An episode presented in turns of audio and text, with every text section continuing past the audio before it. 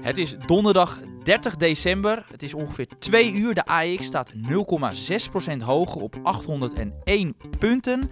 Dit is de IEX Beleggers Podcast.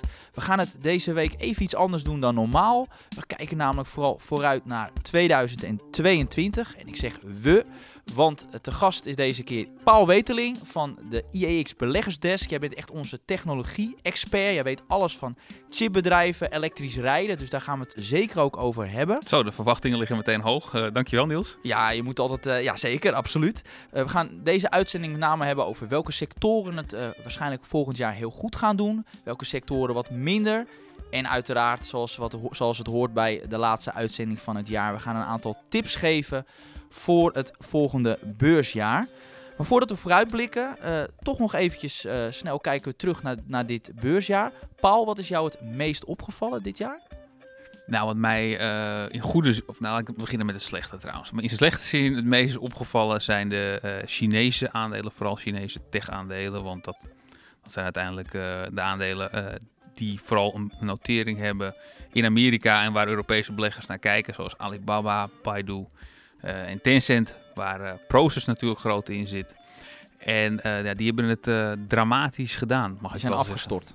Ja, dat kun je wel zo zeggen eigenlijk, ja. Ja, ja, ja want wat, wat natuurlijk, want wat vind ik wel interessant, wat jij, uh, voordat jij die naam, want je hebt ze getipt, die uh, bedrijven dit jaar onder andere. Mm -hmm. En ik weet nog, uh, toen ik bij IX kwam werken in 2018, dat jij heel voorzichtig was met Chinese aandelen, omdat jij dat risico zag van nou die toenemende moeienis van, van de Chinese overheid. Jij was daar altijd voorzichtig mee. En precies op het moment dat je dacht van nou, het is een risico dat erbij hoort, ik ga ze toch maar tippen, want het zijn gewoon hele goede bedrijven. Nou, een paar maanden later, en we hadden de poppen aan het dansen. Ja, nou, vooral met... Uh, kijk, Alibaba hadden we natuurlijk al uh, een tijdje... Waar was ik al een tijd positief over. Dus daar zijn we eigenlijk van, van op naar, naar af gegaan. Maar bijvoorbeeld bij Baidu... ja, op een gegeven moment denk je van... Nou, nu is genoeg wel genoeg. En dan gaat het nog eventjes 30, 40 procent lager. En dat is op zich ook niet zo raar. Want beleggers die verliezen gewoon het vertrouwen in, in, in, in alle aandelen uit zo'n land als de... Uh, als de regering zulke, of de regering, ja, mag ja van de regering spreken, maar de president zullen maar gewoon de machtshebbers uh, zulke uh, rare fratsen uithalen en een delisting in Amerika nog dreigt. Nou, daar zit niemand op te wachten. Dus ja, dan maar het zeker. Dan, dan neemt de markt het zeker voor het onzeker. En, ja. Maar dus ik weet dat veel luisteraars zitten onder andere in Alibaba. Stel dat er een delisting plaatsvindt, wat gaat er dan gebeuren met hun aandelen? Weet jij dat? Ja, die worden dan uh, min of meer verplaatst, als ik het zo mag zeggen, naar Hongkong.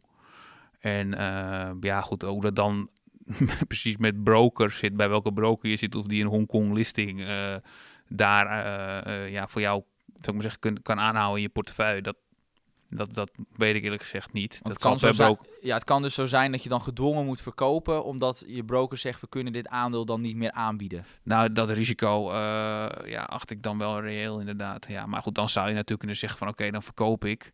En dan koop ik hem. Uh, uh, dan, ja, dan moet je dus iets regelen met een andere broker om, hem, om hem daar terug te kopen. Ja, dat is, dat is vervelend. Dat ja. zou heel vervelend zijn, ja. Blijf jij nog wel positief over die bedrijven? Hoe, hoe zie je, moeten mensen nou, dat, instappen ik, of zeg je gewoon stil blijven zitten? Uh... Nee, ik, ja, ik zou als, als ik het zou. Kijk, wat, wat, natuurlijk, wat het natuurlijk is, is dat als je die aandelen hebt, dan zijn ze sowieso, is de positie sowieso al flink geslonken, omdat de koers zo gedaald is. Hij weegt niet meer zo zwaar, dat is het enige lichtpuntje. Precies.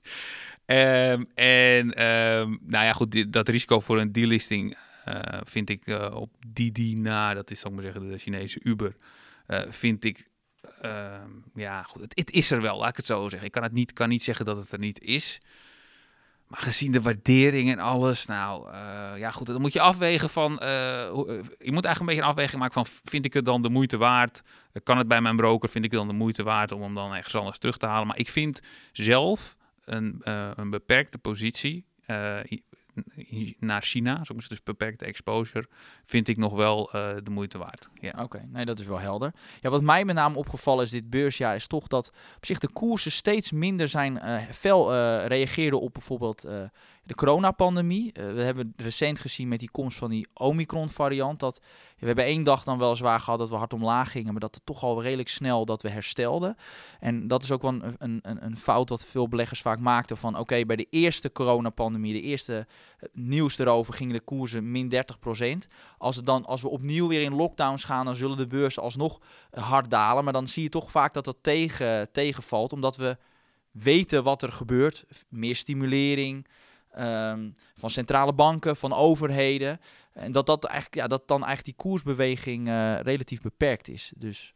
Dat klopt. Um, ik, ik denk dat dat ook gewoon een stukje met onzekerheid, minder onzekerheid te maken heeft. Dus de beurs weet um, ja, wat, wat, ze kunnen verwachten, beleggers weten wat ze kunnen verwachten. En dan uh, minder onzekerheid betekent ook een, een minder uh, ja, explosieve reactie op, op zulk nieuws dan. Ja, het is eigenlijk ook gewoon wel redelijk logisch, want we weten wat er gaat mm -hmm. gebeuren. Um, Grotendeels. Nu een rondje brede markt. Um, ja, want een terugblik leuk, maar veel luisteraars willen natuurlijk weten van, nou, waar gaan de aandelen eh, eh, volgend jaar heen? Gaan we omhoog, omlaag? Als ik jou zou vragen, Paul, ben je nou een boel of een beer in deze markt? nou, ik ben, ik ben positief voor volgend jaar, dus dan, uh, ja, dan val ik volgens mij onder de boel, in de boelcategorie. Ja, wat maakt dat jij zo positief bent over aandelen? Want waarderingen zijn vrij hoog.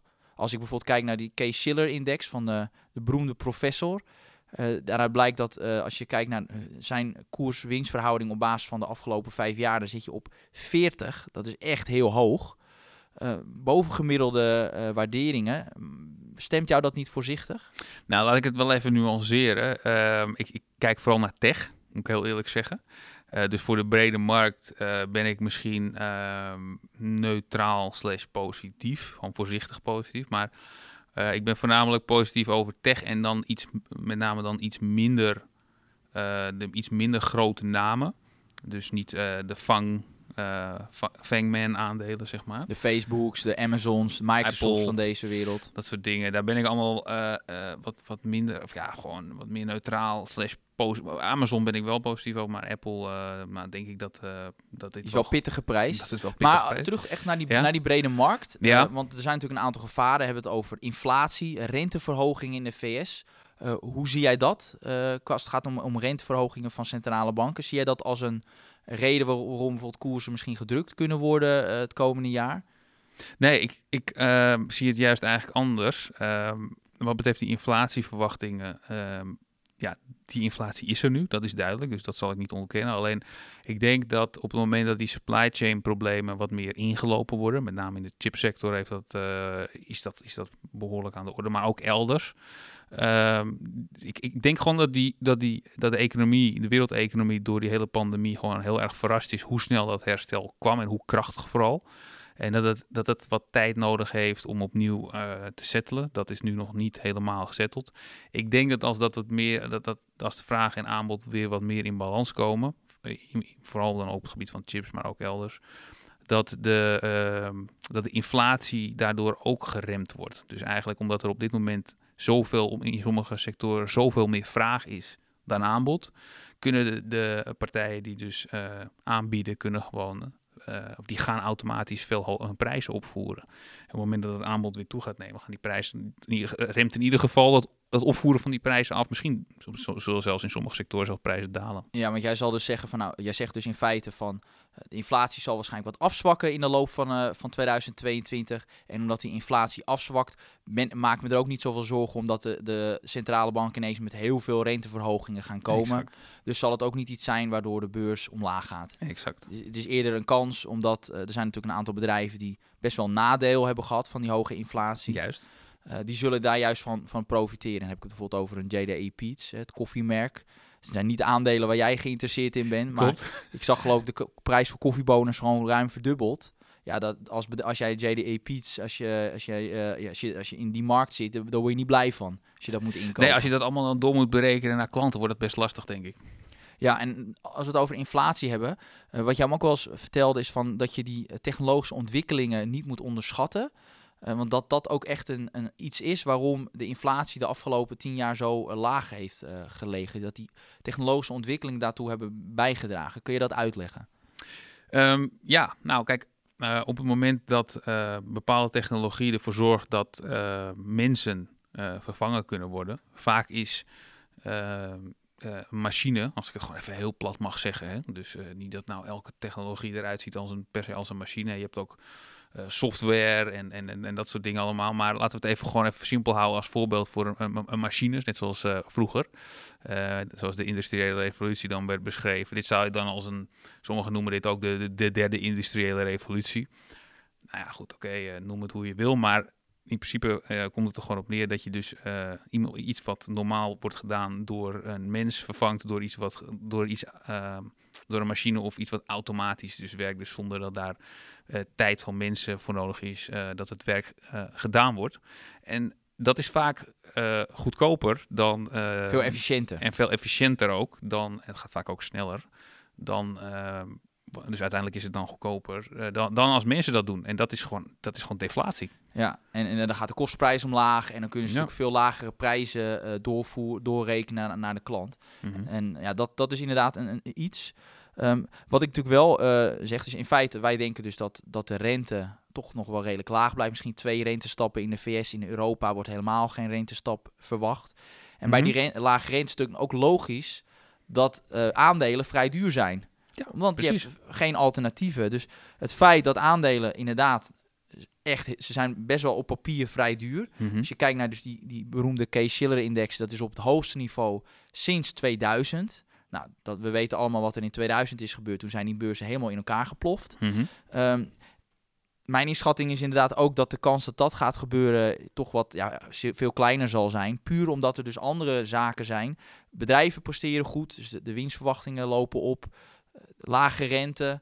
Uh, dat zijn allemaal zaken waarom gewoon hoge waarderingen gerechtvaardigd zijn. Het ziet er gewoon goed uit.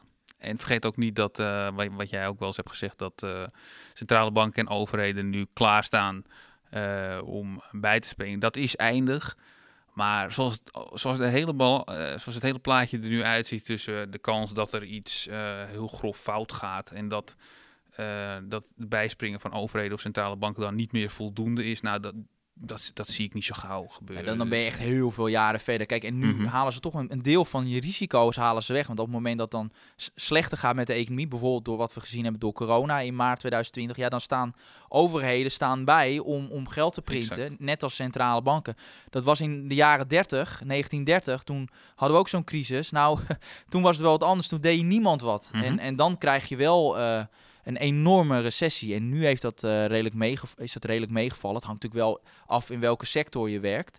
Uh, maar ja, dat is wel ook een reden inderdaad. Actief, actieve beleid van centrale banken maakt ook inderdaad dat het risico uh, voor beleggen in aandelen gewoon ja, toch wel iets kleiner is geworden. Ja, dus, dus ik zie eigenlijk, als je dan nog even terugkomend op helemaal aan het begin... Voor volgend jaar zie ik juist die, um, die inflatie juist als een kans. Dus eigenlijk dat de inflatieverwachtingen voor volgend jaar en, de vrees voor wat centrale banken gaan doen eigenlijk op dit moment overschat wordt. En dat heeft zich met name gemanifesteerd bij uh, ja, high growth tech. Dus, dus tech waar, waarvan de groeiverwachtingen heel hoog liggen. En uh, dat zijn dan vaak bedrijven die nu nog niet eens winst maken. Uh, en en op het moment natuurlijk dat blijkt dat die inflatie veel ja, milder is dan op dit moment wordt verwacht, want er, wordt, er werd nu al uh, ja, over 7% gesproken in, uh, in de VS in Q1.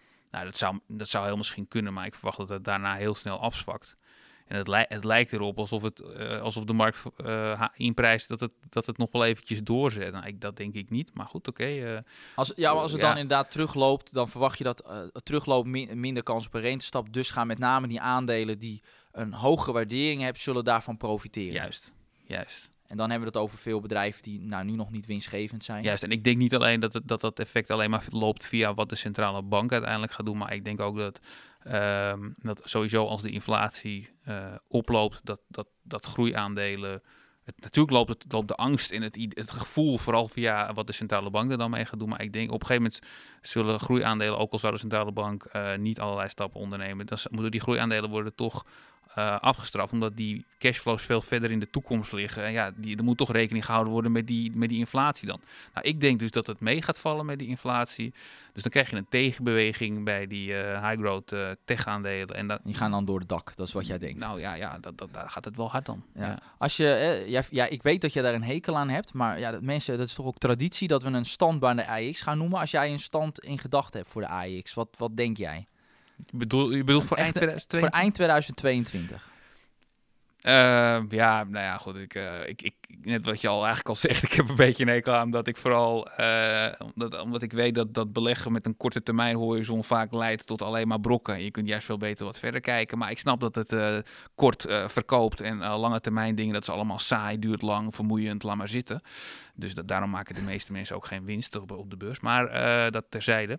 Ehm, ik denk dat. ehm, nou ja, wat, wat moet je zeggen?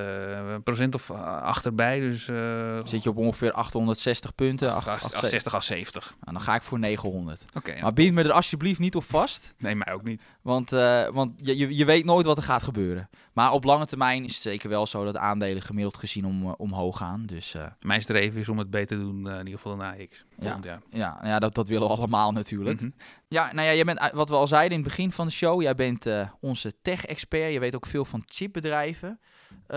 Chi- chipaandelen hebben het dit jaar erg goed gedaan. ASML dit jaar, of ASMI wil ik het zeggen, dit jaar ruim verdubbeld. ASML ook iets van 70% erbij dit jaar.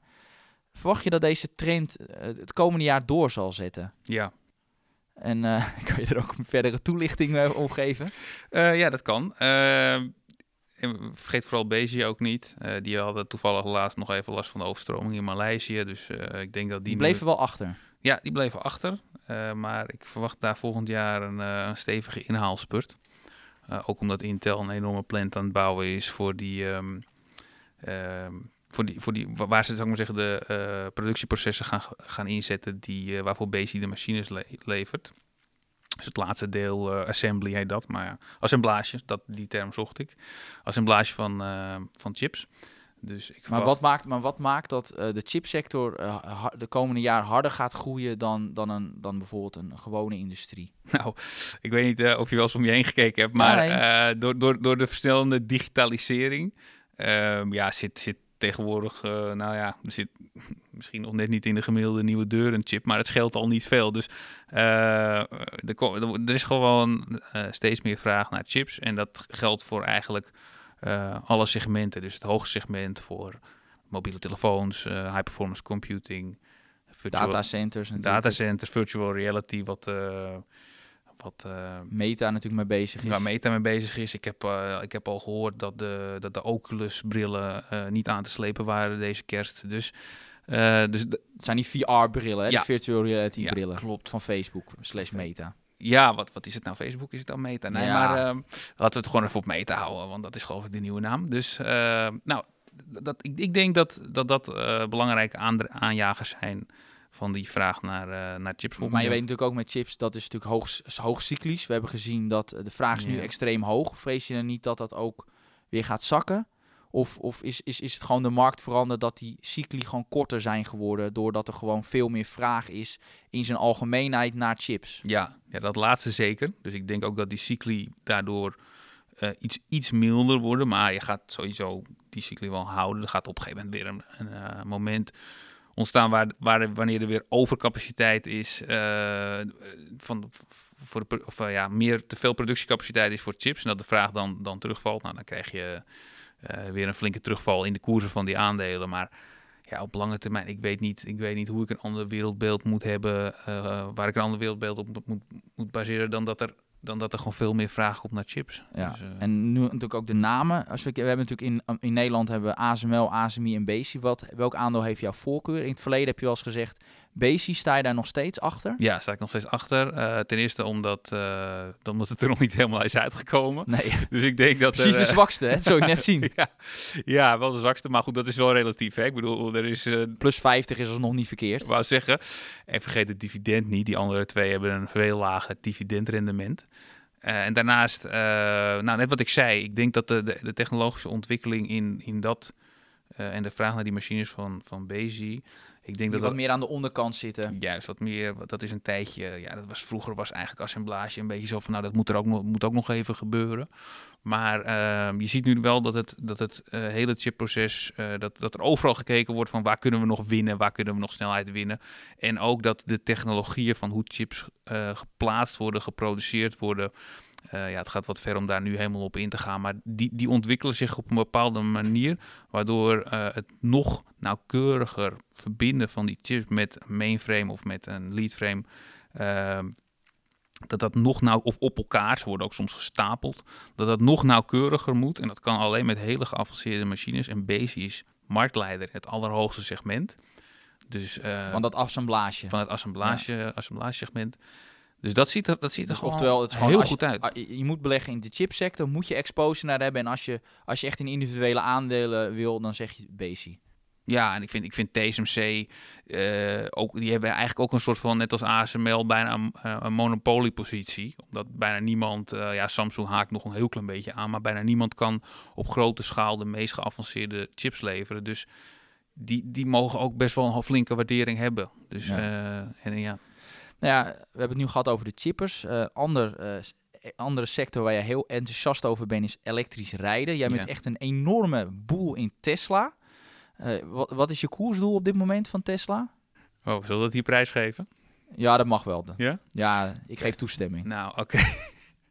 nou, oké, ik verwacht voor, voor eind volgend jaar minimaal 1500 dollar. En er staat nu iets van 1100, zoiets. 1080. 1080. Dus oftewel, je ziet zo'n beetje 40% upside in Tesla. Ik denk dat heel veel mensen zeggen van hoe kun je dat nou vinden? Want Tesla is een van de duurste aandelen op Wall Street. Wat maakt dat een, dat een Tesla het bijvoorbeeld eh, veel beter gaat doen dan een Volkswagen? Waarin onderscheidt Tesla zich? Ja, er, zijn, er, zijn, er zijn een aantal eh, dingen die ik daarbij moet noemen. Ten eerste, ehm, ja, ik wil, ik wil oude mensen hier niet, eh, eh, maar oude Je mag mensen beledigen. ja, dat is nee, niet verboden. niet beledigen, maar eh, oude mensen hebben vaak eh, wat, wat meer moeite met overschakelen naar iets revolutionair nieuws. Eh, probeer een oude hond maar eens iets te leren. Eh, maar goed, dit, klinkt wel een klein beetje neerbuigend, maar het is gewoon de realiteit. En ik denk dat er gewoon een revolutie gaande is. In, eh, ik heb dat zelf een tijdje lang ook erkend, dus dat geef ik bij deze nog even nogmaals toe. Maar eh, ik denk dat er gewoon een revolutie gaande is op het gebied van aandrijving van auto's. En dat we gewoon van brandstofmotoren in heel hoog tempo naar elektrisch rijden aan het gaan zijn. En dan de volgende, het volgende punt. Tesla ligt op dat gebied. Die zijn gewoon meteen vanaf, vanaf 2006 af aan. Toen hadden ze, hebben ze hun dat, eh, dat plan eigenlijk al uit de doeken gedaan. Dat valt ook nog terug te vinden op internet. Dus het is niet zomaar even eh, onderweg uit de lucht komen vallen.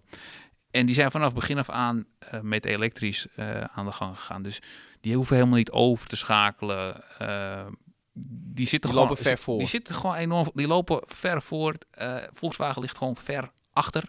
Maar het leek erop dat Volkswagen even over Tesla heen ging. Maar die afgelopen twee maanden, ik zie die autoverkopen van Te- Tesla gaan helemaal door het dak. Dus Ja. één streep omhoog. En jij Ja. zegt dat gaat, dat zet door volgend jaar. Dat wordt volgend jaar nog schrikbarender. Oké, nou ja, dat is een mooie voorspelling. Ja. Jij, jij zit ook met je verwachtingen voor Tesla echt hoger dan, dan het marktgemiddelde, dan de consensus van analisten. Ja, ik geloof dat wel wat Wall Street analisten nu een beetje eh, aan het aanhaken zijn eh, bij mijn verwachting. Maar eh, ik denk, nou, het zit er.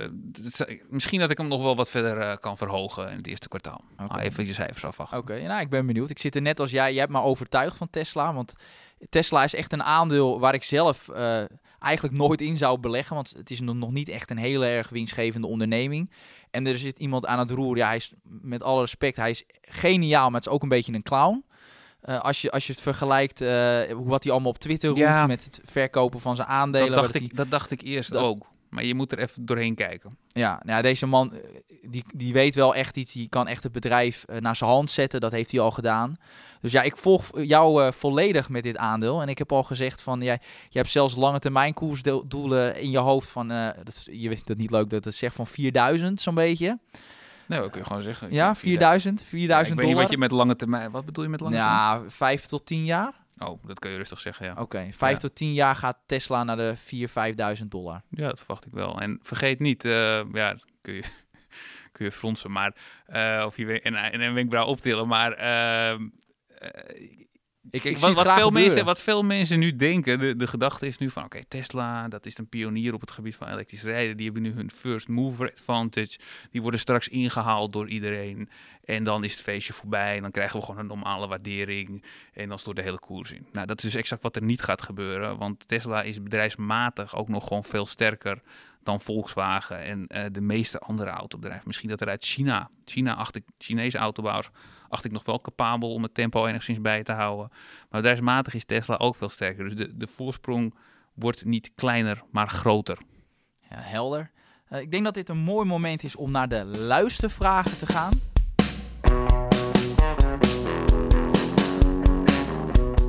een vraag voor, uh, van dividendbelegger um, en aan jou, Paul. Wordt 2022 het jaar van waarde- of groeiaandelen? Hij is misschien een beetje een inkoppertje. Maar uh, als, als jij echt, want jij bent natuurlijk van de groeiaandelen. Maar zie je ook nog wel zitten in waardeaandelen? Ja, ik denk dat, dat heel veel bedrijven dus die onder waardeaandelen vallen... misschien ook wel moeite hebben om, zou ik maar zeggen, hun, hun, de, de, de, de, oplopende inkoopkosten door te berekenen aan de, de consument, omdat de lonen nog steeds achterblijven bij de inflatie. Dus als, als we naar dat soort dus eigenlijk consumentengoederen, produ uh, producenten van consumentengoederen kijken en die dan onder waardeaandelen vallen. Dan verwacht de levers van deze wereld. Bijvoorbeeld, we hadden het net nog over uh, JD Peets geloof ja. ik. Dan verwacht ik daar wel uh, een, een, zou ik maar zeggen, dus een, uh, ja, een, een, her, een her, stukje herstel. En ja, wat ik zei, die van die, die inflatie die op die wat middelgrote en kleinere groeiaandelen, heel, als dat wat milder uitpakt zoals ik verwacht, dan zal dat daar ook een positief effect hebben. Dus jij bent eigenlijk gewoon positief over zowel uh, waardeaandelen, die vaak wat goedkoper zijn gewaardeerd en wat minder groeien, als, als, de, als de gewone goede aandelen. Dus je zegt, je kan ze in principe de brede markt in principe ook gewoon hebben. Ja, die kun je ook gewoon hebben. Alleen, um, nou, dat wil ik wel heel even nuanceren. Want kijk, in de brede markt hebben wel die hele grote namen. Als je echt de, ja. de wereldmarkt kijkt, dan hebben echt die hele grote technamen daar wel uh, een hele zware weging. En op die ben ik niet allemaal heel dus Microsoft ben jij niet enthousiast over, net als Apple, dat soort bedrijven? Ja, ik zeg niet dat het, dat het nou uh, klaar is voor de shredder, maar uh, ja, ik vind het wel heel fors geworden. Dat is al een tijd zo, maar ja, het is nog verder, die waarderingen zijn nog verder opgelopen. Hè. Dus, uh, ja, dus ik, wat mij betreft is de rek daar gewoon uit. Ik, laat ik zo zeggen, ik, ik hoef het niet te hebben op deze koers. Als je echt een van die grote tech-aandelen wel zou willen hebben, welke zou je, zou je dan zeggen? van bijvoorbeeld nou, dan zou ik Amazon denk ik kiezen of uh, Meta. Oké, okay, heel helder. Je hebt ja. ze ook beide in portefeuille, jij ook? Ja, ik heb oh, nou, helder, helder. Uh, nu een vraag van Mitchell Warmerdam. Niels, wordt 2022 het jaar dat je bitcoin gaat kopen? Nou kan er vrij kort om zijn, over zijn. Uh, nee, ik zie dat uh, niet gebeuren. Ook niet als het gaat halveren. Ik moet er niets van hebben. ik heb de hele rit gemist. Dat weet ik ook. Uh, alleen, ja, ik hou er niet van om in, in producten te beleggen waarvan uh, de, de winst van de een de inleg van de ander is. Uh, dat is geen ja, duurzaam verdienmodel. Dus ik zie dat niet zitten. Maar voel je altijd vrij om, om in die cryptovaluta te zitten. Want ja, er gebeurt wel. Het is wel, het is, het is wel spannend. Dus als het een hobbyprojectje is, geen probleem. maar zelf, nee, ik zie dat niet zitten. Uh, nu een vraag van Ruben Meer. Hij zegt, uh, vraag van, nou, wat zijn jullie voorspellingen wat, wat Dieteren uh, betreft? Het aandeel, ja, het is een investeringsmaatschappij uit België. Ik zie jou al vragend kijken, Paul. Ik ben de analist, dus ik zal hem wel eventjes beantwoorden. het is inderdaad klopt dat de koers wel aardig is opgelopen van Dieteren de laatste maanden. Maar dat komt ook ja, omdat het wel goed gaat met name met Carglass. Want zij hebben Belron, dat is het moederbedrijf van Carglass. En daar heeft Dieter een groot belang in. En wat je ziet is dat uh, steeds meer geïntegreerde uh, camera's in auto's uh, zitten. En daardoor kan je niet zomaar je auto, kan niet zomaar iedere partij je auto eruit vervangen. En Carglass is echt zo'n gespecialiseerd bedrijf. En die heeft, ziet daardoor zijn orders flink oplopen. Dus, dus ja, dat is echt een trend waar Carglass van profiteert. En dus ook het moederbedrijf Belron. Dus ja, ik blijf gewoon enthousiast ook voor de lange termijn over Dieteren. Maar goed, ja, dus het bedrijf geeft, rapporteert niet, iedere, niet echt ieder kwartaal uh, zijn cijfers. Dus ja, het is, je hoort daar niet heel veel nieuws over. Maar voor de lange termijn is dat gewoon een uh, goed bedrijf. Nu een vraag voor jou, uh, Paul. dat gaat over Barry Colt. Die stelt, Rick stelt die vraag. Ja, zou je het een keer dus over Berk Gold kunnen hebben? Want is dit misschien wel gewoon een interessant aandeel als hedge tegen hoge inflatie? Ja, dat is het zeker. Alleen ehm, die hoge inflatie, ja, dat is dus nog maar de vraag of die er dus komt. We hebben het al, uh, al eerder deze uitzending over Jij zegt, die, die gaat niet op lange termijn niet komen. Dus weet ik niet of dit een, of dit een hele... Het is, meer- zie het meer als een hedge, maar verwacht er niet heel veel van. Nou, misschien als we het echt over lange termijn hebben, dus dan hebben we het eigenlijk over een jaar of tien in mijn eh, optiek, dan misschien wel. Maar eh, voorlopig zie, zie ik dat nog even niet. Ehm, en daarnaast ja, een voorspelling doen voor waar de goudprijs heen gaat, ehm, zonder dat je echt duidelijk eh, monetaire onrust of inflatie, eh, enorme inflatiegolf aan komen, daar waag ik me gewoon niet aan. Want ik heb daar al eh, menig expert de mist in zien gaan. En jezelf ook? Nee, nee, ik heb nooit echt heel erg uitgelaten over waar de goudprijs heen kan. Ik heb wel, me natuurlijk wel, wel, wel aangegeven dat ik verwacht dat de inflatie wat aantrekt. Nou, dat, dat zien we nu ook wel. Alleen ja, de goudprijs doet nog steeds heel weinig. Moet wel zeggen, Barrick Gold is wel eh, in, in, in, in, die, in die goudmijnsector wel een van de eh, meest degelijke namen. Ook weinig schuld meer. Dus, en ze betalen een dividendje. Ze kunnen ook prima eh, boeren op deze goudprijs. Dus wat dat betreft is het helemaal geen verkeerde naam. Maar ik ben er eerder, toen ik, ja, ja, toen ik nog de verwachting had dat de goudprijs meer zou profiteren van de huidige hogere inflatie, was ik er positiever over. Nu ik zie dat het allemaal wel, wel meevalt en de soep niet zo eh, heet gegeten wordt als die wordt opgediend. Ehm, Ben er gewoon iets minder er enthousiast gewoon iets over. minder enthousiast maar houden kan prima. ja hoor, ja hoor. Oké, nu een vraag van Boudewijn. Eh, Niels, waarom heb je NN niet in je top 5 voor 2022 genoemd? Nou, ik heb deze week mijn eh, vijf favoriete aandelen gepresenteerd voor 2022. Eh, NN, ik had inderdaad voor NN gekozen in plaats van AZR. Betekent dat dat ik veel enthousiaster ben over Nationale Nederlanden? Nou, eh, dat ben ik eigenlijk eh, niet, want het, ik ben over beide gewoon heel enthousiast. NN zit met name in de levensverzekeringen en AZR zit wat meer in schade. Dus je kan ze beide gewoon prima hebben. Dus ik, ik, ik heb ook weer drie aandelen getipt voor eh, onder andere beleggen.nl en dan noem ik weer AZR. Dus nou ja, het maakt in principe niet zo heel veel uit. Je kan ze in beide gewoon prima positie eh, nemen. Eh, dus nee, daar hoef je geen zorgen om te maken. En tot slot nog een eh, vraag van Thijs van Kampen. Maar ik zag veel meer mensen langskomen met deze vraag. Hebben jullie nog goede voornemens als het gaat om beleggen? Ja, dat hebben we zeker. Want eh, ja, we hebben nieuws. Want we gaan eh, begin volgend jaar, dus heel snel gaan wij met een podcast, een nieuwe podcast komen voor met name jonge beleggers, jonge, beginnen, jonge beginnende beleggers. Gaan wij allerlei vertellen van waarom je moet beleggen. Echt de absolute basics als het gaat over beleggen. Dus ook welke broker is nou, eh, past nou goed eh, bij, je als, bij je als belegger. Ehm, onder andere ook over het rente op rente effect. Dus we gaan heel veel verschillende zaken gaan we behandelen. Misschien de eerste aflevering voor de mensen die deze podcast luisteren is wel misschien iets dat je denkt van nou dat is nog wel beneden mijn niveau. Maar we gaan steeds een niveautje omhoog. Dus ik denk dat, eh, dat het een aanrader is voor veel luisteraars. Ik ga dat doen met Koen Grutters, onze regisseur. Dus hij gaat het presenteren en ik zal ja, een beetje de vaste gast zijn. En eh, nou, dat gaat zich ontwikkelen. Ik denk dat dat wel een, eh, een interessante podcast wordt. Klinkt Dus, heel eh, goed. Misschien schrijf ik ook wel een keer aan. Zeker, als het over eh, technologie-aandelen gaan, dan weten we je te vinden, Paul. Nou, in het begin van de podcast hebben we uiteraard beloofd om ook met echte individuele namen te gaan komen waar wij heel enthousiast over zijn, over 2022. En ja, ik heb ook even naar jouw kooplijstje gekeken voor IEX, eh, Paul. En dan zag ik een ene Virtu zag ik daar eh, op staan. Ik denk dat veel beleggers niet weten wat het is. Zou je dat kunnen vertellen en toelichten waarom je daar zo enthousiast over bent? Ja, je dacht ik doe maar een keer wat anders dan Tesla. Eh, ja, ja, Ja, nee, die stond er ook op. Die stond op nummer 1. ja, maar die hebben we al behandeld. Ja, dus- nee, oké. Dan is het duidelijk. Nee, goed, dan kunnen we even wat over Virtu zeggen. Ehm, ja, Virtu is een Amerikaanse marketmaker.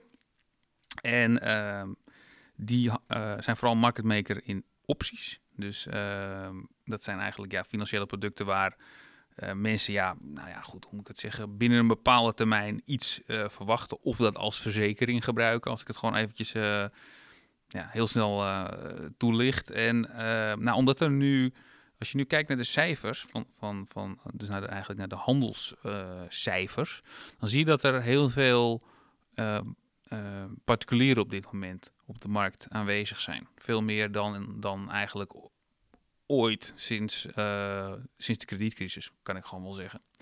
En dat is gunstig voor, eh, dat is gunstig voor Virtu. Die handelen veel en hogere spreads zitten er vaak in. Juist, juist. Dus de handelsvolumes zijn hoger. Uh, nou goed, het is altijd fijn als er dan nog wat volatiliteit ontstaat. Dat kan ik niet nu zeggen van dat het volgend jaar volatiel wordt of wat dan ook, dat weet ik niet. Maar uh, als het volatiel wordt, dan, dan verdienen ze nog meer. Want dan worden die spreads ook nog eens groter. Maar sowieso weet je dat omdat, ze, omdat die particulieren nu aanwezig zijn en die gaan pas weg. Dat, dat durf ik wel te zeggen. Als er echt een enorme klap valt. Nou, die verwacht ik volgend jaar niet. Dus ik verwacht dat die hoge volumes aanhouden in Amerikaanse opties uh, op, uh, op aandelen en indices. En dat Virtu daar blijvend van, dus volgend jaar blijft van blijft profiteren. En dat is keer een groot deel van dat uh, was die winst keren ze uit als dividend en de rest gebruiken ze voor de inkoop van eigen aandelen. Dat dus laatste is altijd lekker voor, uh, precies, voor dus alles gaat naar de aandeelhouders. Wat dus maakt het verschil waarom je Virtu zegt en niet flow traders? Nou, flow traders, kijk, uh, flow traders handelt natuurlijk uh, alleen, of nou, dat, dat, ik weet niet of dat nog steeds waar is, maar bijna volledig in ETF's op allerlei. Uh, dat is ook een booming business. Ja, dat is ook een booming business. Alleen dat is wel minder grillig qua volumes. Dus op het moment dat je een heel goed jaar hebt, dat er heel veel particulieren aanwezig zijn in de markt die veel handelen. De gemiddelde ETF-belegger die handelt gewoon wat rustiger. Dus die, die loopt niet te gooien en te smijten. En, uh, en, en die, dus, dus eigenlijk moet je op zo'n op zo'n in zo'n jaar waarin er echt veel uh, particulieren aanwezig zijn en in de markt en veel gooien en smijtwerk plaatsvindt, kun je beter, wat mij betreft, veer toe hebben. Oké, okay, helder. Ja. Zelf ben ik met name enthousiast over. Uh... Daarbij wil ik nog wel even oh, zeggen dat ja? ik ook positief ben over flow traders. Dat je die ook gewoon prima kunt hebben voor de lange termijn. Maar als, top, je echt, als je echt een keuze moet maken, zeg je in feite Virtu. Voor volgend jaar wel, ja. ja. We hebben het nu ook veel over uh, name groeiaandelen gehad. Maar zelf ben ik wel een beetje een man van de waardeaandelen met stabiele kaststromen, een mooi dividendrendement. Uh, en nou, dan is onder andere een interessant bedrijf. We hebben hem al genoemd AZR. Dus ik heb uh, NN en A. Ik heb NN zelf niet in portefeuille, AZR wel sinds de beursgang. Maar wat ik met name interessant vind met AZR is dat je ziet dat het bedrijf echt beter presteert dan, dan, ik, echt, uh, dan ik had verwacht. En dat zie je ook wel uit, uit de recente bekendmaking dat hun dividend is met bijna 20% verhoogd. En ook het aandelen inkoopprogramma is flink in, opgeschroefd. En daarom zie je dat het dividendrendement nu al 6% is met 2% aandelen inkoop. Dus stel dat het bedrijf het komende jaar, de komende jaren niet groeit, maar precies gelijk blijft en de waardering hetzelfde blijft, dan heb je al 8% rendement. Nou, Mhm. van AZR weten we dat, ze- dat ze altijd nog wel een klein beetje groeien door overnames. Dus dan maak je al heel snel, ga je richting die 10% die je op jaarbasis kan maken. En dat vind ik met een rente van, eh, van nul eh, wel heel interessant. Een andere naam die het veel minder goed heeft gedaan, bijvoorbeeld App InBev, ben ik heel enthousiast over. Ehm, maar dat is ook wel de aanname dat ik verwacht dat er het komende jaar niet zo snel veel meer lockdowns zullen komen. Mijn inschatting is dat, dat Omicron eerder een zegen is dan een zorg, omdat we misschien sneller die pandemie uit kunnen, omdat het is minder ziekmakend, maar wel veel besmettelijker. Dus dat zie je ook in Zuid-Afrika, dat daar de besmettingen alweer heel laag zijn en de ziekenhuizen alweer leegstromen. Dus dat is een aanname. Zit ik daarmee mis, ja, dan is App InBev natuurlijk niet de naam. Het aandeel is achtergebleven, maar er zit een nieuwe topman. En die zegt wel van, nou, het roer moet toch wel om. In het verleden hebben ze heel veel dure overnames gedaan die toch relatief weinig uh, bijdroegen aan de, aan de winstgevendheid. Dus hij zegt dat moet anders, we moeten meer focussen op innovatie. Ik ga er ook in mee. En het aandeel is ook veel goedkoper dan, uh, dan Heineken. Dat terwijl Ab InBev wereldmarktleider is. Dus profiteert van meer schaalvoordelen en daardoor ook hogere marges draait. En dat laatste is belangrijk. Dat mocht, mochten die, de inflatie toch stijgen en die grondstofprijzen verder oplopen, van bijvoorbeeld verpakkingsmateriaal, et cetera, uh, dan heeft een Ab InBev daar verhoudingsgewijs minder last van. Dus uh, je hebt hem goedkoper, wel, ze hebben wel wat meer schuld, maar uh, ja, ik zie wel Ab InBev als een hele mooie turnaround. Kan Jij denkt wel dat mensen weer een feestje mogen vieren op een gegeven moment? Ik ga daar wel vanuit. Dat, ja, dat zie je wel. Dus, maar goed, het is een aanname. Ja, dat kan uitkomen of niet, maar dat is ja, zoals ik daarover denk. Laten we hopen. Ja, een ander aandeel wat misschien wel uh, wat meer profijt heeft van de lockdown maatregelen is bijvoorbeeld een Uber met zijn uh, maaltijd uh, bezorgingsapp. App. Ja. maar uh, wat maakt dat, want het is ook nog niet echt een winstgevende onderneming, best wel risicovol lijkt mij. Wat maakt dat jij hem wel hebt getipt voor volgend jaar? Nou, ze zijn wel, wel degelijk winstgevend, alleen niet op het gebied van die maaltijdbezorging. Dat is dus waar ze nog, ja, waar ze nu op nou ja, break-even zitten. Uh, op het gebied van taxi, met die taxidiensten zijn ze wel gewoon uh, ruimschoots winstgevend. Maar ja, goed, dat werd natuurlijk keihard geraakt door uh, de coronapandemie.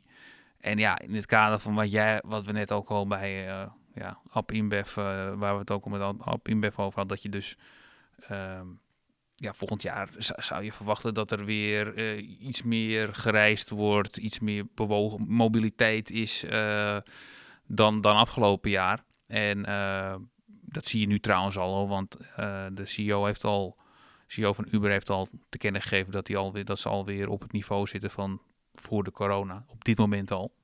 Met die zelfs, taxis. zelfs met die taxis, zelfs daarboven al. Dus het gaat, al, het gaat nu al de goede kant op. Ja, en dan, dan ga ik ervan uit dat dat, dat, dat doorzet. Maar ja, uh, ja goed, we hebben, wie had corona verwacht? Dus ja, misschien volgend jaar wel weer iets geks. Maar ik, ik ga ervan uit dat het doorzet. En laten we, laten we nog even iets aanstippen. Kijk, als je nu kijkt naar de marktwaardering of naar de marktwaarde van Uber, en je kijkt naar waar die markt op lange termijn heen gaat, daar kijk ik meer naar, naar bijvoorbeeld 2030, hoe groot die markt wordt. Uh, dan is er zoveel te verdelen. Kijk, er komt, bijvoorbeeld een Tesla komt ook in die markt voor, uh, voor autonome taxis, want ik verwacht dat ze op een gegeven moment autonoom worden. Uh, maar er is zo... zonder een bestuurder, dat gewoon... Juist, ah, dat je ja. gewoon opgehaald wordt, om het zo maar te zeggen. zonder bestuurder, dus gewoon alleen door de auto. En en als je kijkt naar hoe groot die markt wordt, ik geloof dat. Uh, ik heb berekend dat uh, de markt voor autonome taxis, uh, berekend, dat heb ik eigenlijk gehad van, van Ark Invest. Maar ik zie dat ook zo, laat ik het zo zeggen, als ik, als ik wat, wat snelle rekensommen maak. En die markt wordt duizend miljard groot. Dan hebben we het over operationele winst. Dus ja, als je duizend miljard operationele winst kunt verdelen, alleen al op dat gebied van autonome taxis, dan ja, komen er dan, dan is een marktwaarde van 80 miljard voor Uber op dit moment wel heel bescheiden. Nee, oké, maar komen er dan niet heel veel spelers bij als dat zo'n interessante markt is? Nou, er komen wel, natuurlijk komen er spelers bij. Alleen als je al nu de schaalgrootte hebt van Uber, ja, dan hoef je misschien uh, uh, twee, drie jaar daarvan uh, te gelden te maken. En dan heb je je marktwaarde er op dit moment uit. Ja. Dus, ja, en het is natuurlijk ook zo, als jij Uber al gebruikt voor bijvoorbeeld je maaltijden, ben je misschien ook sneller geneigd om die app te gebruiken Zeker. voor de taxis. Dus Cross-selling werkt uh, bij Uber ook uh, geniaal. Ja, ja dat is wel, ja. dat is misschien wel een extra reden waarom jij enthousiaster bent over een, uh, over een Uber dan over Just Eat Takeaway. Juist, juist. En ook uh, ja, Uber heeft ook nog meer, nog meer schaalgrootte. Dus en dat zal de CEO van Just Eat ongetwijfeld betwisten. Maar ja, Uber heeft gewoon, gewoon wereldwijd meer klanten. Dus Helder. Het la laatste naam die ik op mijn uh, lijstje zie staan die jij graag wil tippen voor uh, 2022, is, ik heb er echt nog nooit van gehoord. Dat is Teladoc. Um, Hoe nou, kom je in hemelsnaam bij zo'n bedrijf terecht? Uh, die wou ik eigenlijk meer noemen. Uh, die staat niet op mijn, op mijn tiplijstje, Wat maar doet wel, het? wel leuk dat je die noemt. Uh, wat zij doen is eigenlijk, uh, ja, hoe zeg je dat? Vir, ja, het is niet vir, het is gewoon zorg, maar dan uh, via online kanalen. Dus je kunt via een online kanaal kun je een, een, dokter spreken, kun je alvast je eerste praten over je eerste klachten, maar ook vooral psychologisch. Dus mensen die in psychologische uh, moeilijkheden zitten, uh, die vinden op die manier een, ja, eigenlijk een psycholoog, maar op een veel efficiëntere manier. Dan valt er natuurlijk te twisten of dan of dat online moet of dat online moet ja. of niet, maar uh, ja, goed, als je de kosten, hè, je moet ook kijken van is de zorg nog houdbaar binnen een bepaald uh, het kostenplaatje moet wel houdbaar zijn. Dus ik, en, en als ik kijk naar hoe groot Teladoc al is en wat ze, op, op welke koers ze nu zitten, dan ziet dat er ontzettend goed uit. En dat is dus een van die aandelen waarvan ik zeg van nou, die zijn heel, ook heel hard getroffen door die hoge inflatieverwachtingen, omdat die winsten ver in de toekomst liggen. Dus die worden helemaal, die winsten worden eigenlijk helemaal platgewalst door die infla hoge inflatieverwachting. En als die inflatieverwachting dan vervolgens meevalt, of die, die werkelijke inflatie meevalt, dan uh, kan daar een, uh, een, een flinke Maar wel een hoog risico, dus jij zal ook zeggen nooit meer dan 2% van je beleggingsportefeuille. Nee, ik zou daar nu niet, niet, niet in dit stadium, in dit stadium nog niet groter dan dat in willen zitten. Maar uh, op een gegeven moment, dat, dat risicoprofiel is dynamisch. Dus op het moment dat zij betere resultaten gaan behalen, we zijn wat verder in de tijd, nou, dan kun je ook zeggen, en, en ze, ze, maken nog meer waar, dan kun je ook zeggen van, nou, dan ga ik net als, met, net als hoe ik naar Tesla kijk. Dan ga je omhoog, maar dat gaat natuurlijk ja. ook omdat de koers stijgt, dan wordt die ook natuurlijk zwaarder, gaat die wegen Dat automatisch, dat automatisch. Ja, maar uh, waar kun je het aandeel kopen? Voor mij gewoon Nasdaq. De Nasdaq, oké. Okay. Ja, ja, nee, goed. Ik had nog nooit van het bedrijf gehoord. Er zullen veel meer mensen denken van, ja, ja, nee, waar okay. ko nee. koop je het aan? Ik heb zelf ook nog eentje die is wat risicovoller. Bayer. Nou, ook een dramatisch aandeel de afgelopen jaren. Zeg dat wel. Uh, met hun schikking, het Monsanto, of het drama met de aankoop van Monsanto en uh, ja, het Roundup-schandaal. Met dat, hè, de, de onkruidverdelver, waar ze heel veel rechtszaken uh, last van hebben in, in de Verenigde Staten. Ik reken in 2022 toch wel op die definitieve schikking. En dan kan de, wa de waardering van, uh, van het uh, aandeel kan fors omhoog. Want het aandeel noteert iets van tegen acht keer de verwachte winst. Nou, ze hebben ook al een groot deel van die, uh, van die bedragen, van die schikking. Ze hebben al met een groot deel van de eisen al een schikking gehad. En daar hebben ze ook al uitbetaald. Dus ja, het gaat nog iets om 8 miljard of zo dat ze moeten betalen. Als ze echt voor 15, 16 miljard kunnen schikken. Dus als het eindelijk zover is, kan die waardering veel omhoog. Alleen dat, dat denk ik al drie jaar. Maar ik durf hem wel aan om hem te tippen, omdat ik denk dat 2022 wel eens het, de draai kan zijn in het aandeel. En wel gewaagd. Uh, het heeft mij al uh, behoorlijk wat centen gekost tot nu toe. Ja, met opties hè? En ja. ik, ik, weet, wie had ze ook alweer getipt, die opties? Nou, we hebben het hier niet over het echte optiegegok. We hebben het hier uh, echt over een langlopende opties.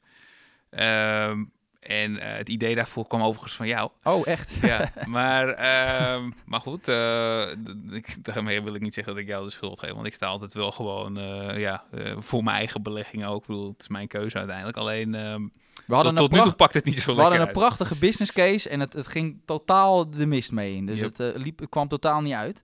maar ik denk wel dat, zeker omdat je de, de resultaten echt ziet verbeteren vanaf de tweede jaarhelft dit jaar al... Uh, vind ik interessant. En dan met een schikking, ja, dan kan die waardering uh, ja, gewoon kan zomaar verdubbelen. En dan sta je in plaats van onder de 50, ga je richting de 80, 90. Dus, uh, dus daar zie je kansen liggen. Ja, het klinkt, voor, klinkt mij als muziek in de oren hoe je dit nu vertelt. Ja, ja nee, we, we, hebben het, we hebben het ook nodig. Ja. Nou, dit was hem dan. De laatste podcast van het jaar. Nou, dan rest mij alleen nog maar om je een gezond 2022 te wensen en een fijne jaarwisseling. En ook uh, we zullen er in de eerste week van januari zullen we er meteen weer staan. Met uiteraard Arend Jan Kamp die dan terug is van vakantie. Helemaal goed. Ik wens jullie ook een uh, knal in 2022. De beste wensen.